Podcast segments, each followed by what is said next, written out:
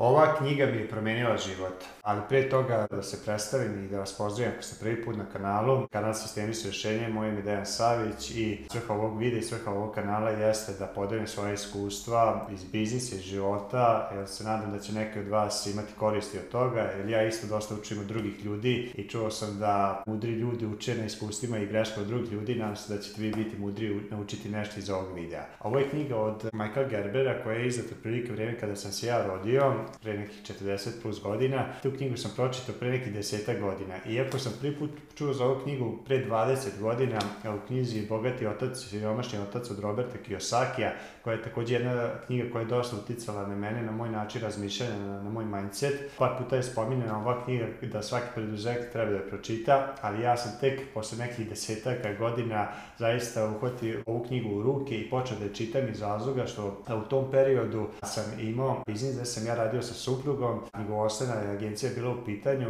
i kad je došao period da postanem otac, supruga je morala naravno otići na prodajsko i ja sam završio noseći i njen deo obaveza plus moj deo obaveza i tad sam doživio bol koji me je postakao da nešto promenim. I većina ljudi ima taj izazov u svojim životima što nemate dovoljno veliki bol koji će vas postaći da napravite neke promene dok ne bude suviše kasno. I jako je bitno da ako možete recimo na ovom mom iskustvenom iskustvu nekih drugih ljudi da se inspirišete da umesto da čekate čeka taj bol, da počnete da testirate neke druge stvari kako biste promenili rezultate.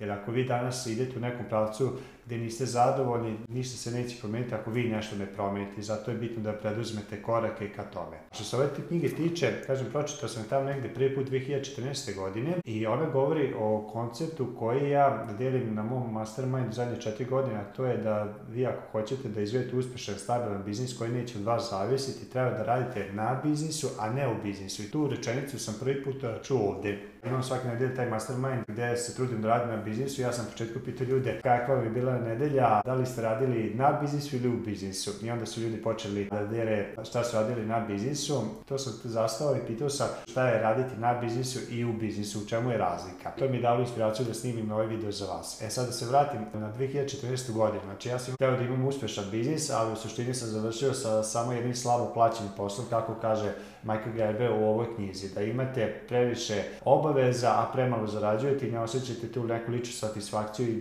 niste došli do te slobode zbog koje ste pokretali taj biznis. I ono što sam ja u tom momentu počeo da radim jeste, pitao sam sebe da je ne, ok, šta će se promeniti u narednih 5-10 godina ako ti nastaviš ovim istim putem, kako će tvoj život izgledati. Nije mi se svidela ta slika i onda sam počeo istraživati, pala mi na pamet da bi mogao ovu knjigu uzeti i početi čitati. Kad sam počeo da je čitam, Na početku odmah ima jedna priča sa kojom sam se ja identifikovao u jednoj sali koja isto tako imala neku strast za pravljenje kolača.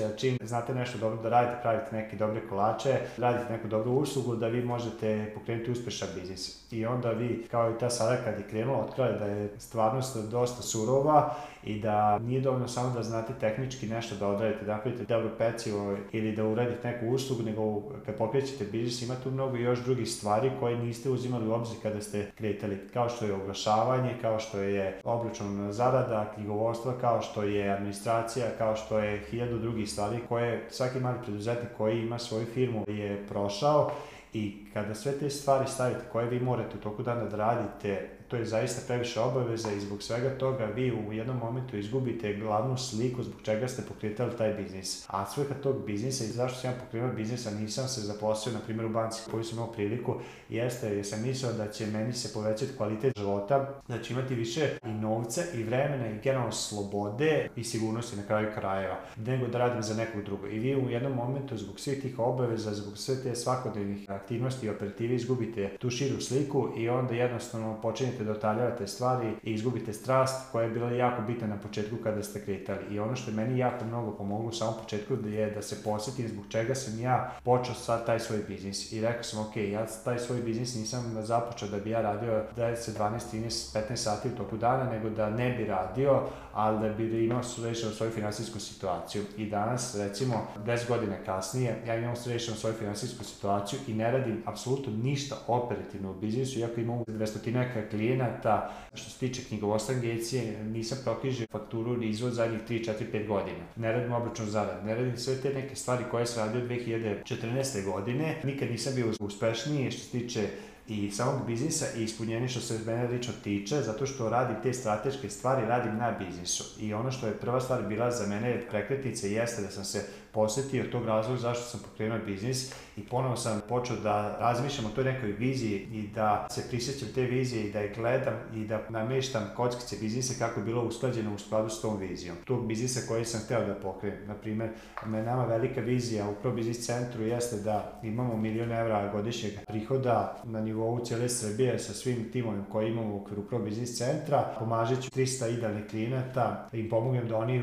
budu uspešniji, profitabilniji s pomoću tačnih jačih informacija koje njima dajemo. I to je neka vizija i misija zbog koje mi postojimo i sve što radim, radimo kroz tu prizmu. Mi imamo svake nedelje, nedeljne sastanke, kvartal sastanke, svake ova tri meseca. Sastavni deo tih sastanaka je da uvek pričamo o tim stvarima, jer dosta ljudi jednostavno krenete na put i onda ako izgubite mapu, izgubite krajnju destinaciju, nema šanse da stignete na taj put. I sve što treba da uradite jeste da uzmete papir i olovku, da se osamite, ne znam, pola sata, sat, možda čitav dan i da na papir ponovo izbacite te neke stvari kako bi vaš idealan biznis izgledao za 50 godina kada ne bi stigao nikakvih ograničenja. Stavite to na papir i onda vaš sledeći zadatak da ga što češće gledate. Sledeća stvar koja mi je dosta pomogla iz ove knjige jeste kad radite da pravite uvek sistemi, jer su svim sistemi su ti koji su ključi da vode biznis, a ljudi su ti koji treba da upravljaju sistemima. Dok je, recimo, kod mene 2014. godine bila totalno drugačija situacija gde sam ja bio taj i sistem i biznis i sve ostalo. Da ja nisam bio tu, niko drugi ne bi mogu to odraditi ili recimo moja supruga koja je tad radila književni izvoda, ona je otišla, nije imala knjižni izvoda i onda je ponovo to palo na mene.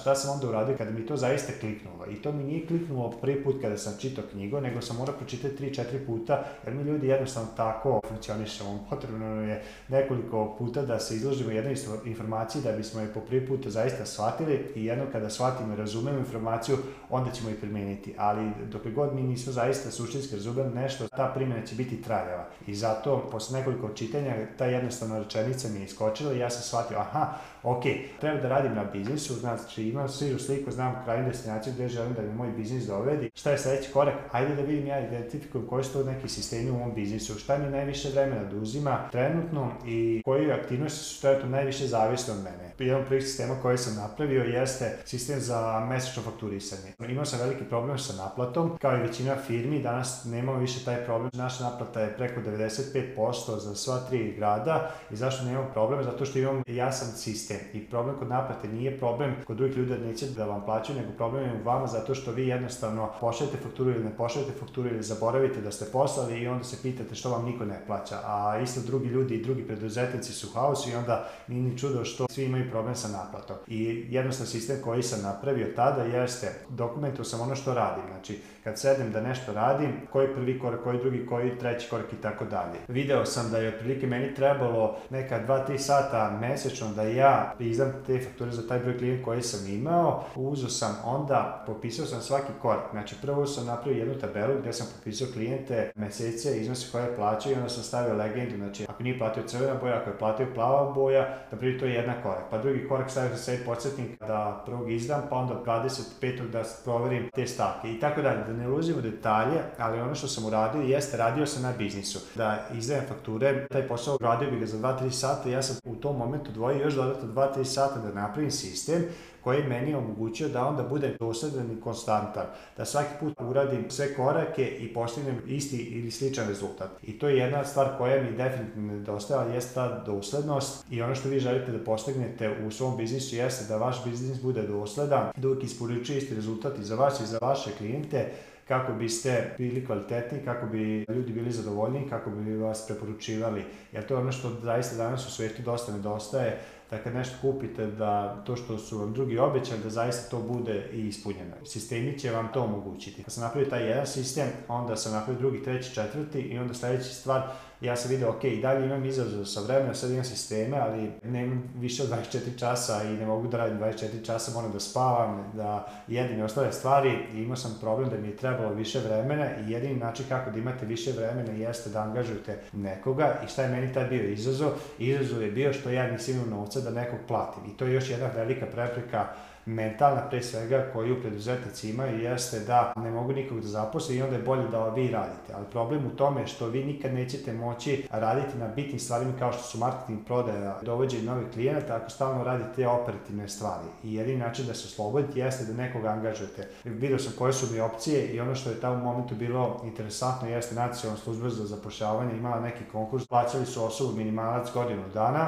i moj plan je bio jednostavno da se prijem za taj konkurs, Prijavilo se nekoliko osoba osobi, izvedu sam jednu osobu i onda sam polako počeo da delegiram sve te sisteme koje sam napravio na tu drugu osobu, dok se ja nisam oslobodio prvih par meseci po nekoliko sati nedeljno, dok kasnije nisam se totalno izvukao iz operative sa još više osoba. I sad, da li nacionalna služba danas to daje ili ne daje, nije bitno, nego pojent u tome da meni ta rešenja nisu bila dostupna ne zato što nisu posle, nego ja nisam bio dostupan ti rešenjima, ja nisam vidio šta je sve moguće, nisam mogao tog vremena, ali kad vi shvatite koju igru igrate i šta želite da postavite, vidjet ćete da će odgovori vama početi da dolaze ako vi počnete da postavljate prava pitanja. I u suštini kako da počnete da radite u biznisu, da sumiramo ovaj video, jeste da bi bili strateg morate imati tu širu sliku, znači gde želite da budete, zašto želite da budete, napravite taj neki plan i onda morate svaki dan, svaku nedelju se posvećivati tako što ćete praviti te sisteme, svaki biznis nema hiljadu sistema, vi sad imate možda 5-10 sistema koji vas koču u biznisu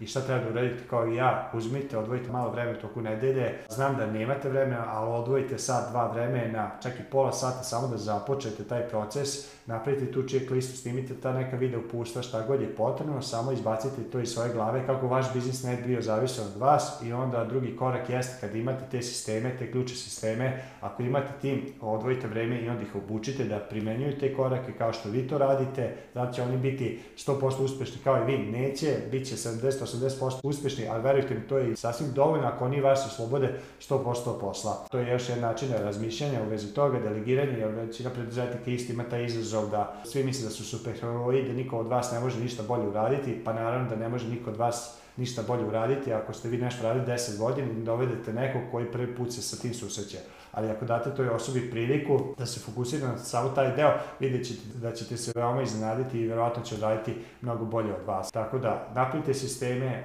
pronađite druge osobe. Još jedna bitna stvar za druge osobe jeste da većina preduzetnika misli da ljudi dolaze samo kod vas zbog novca.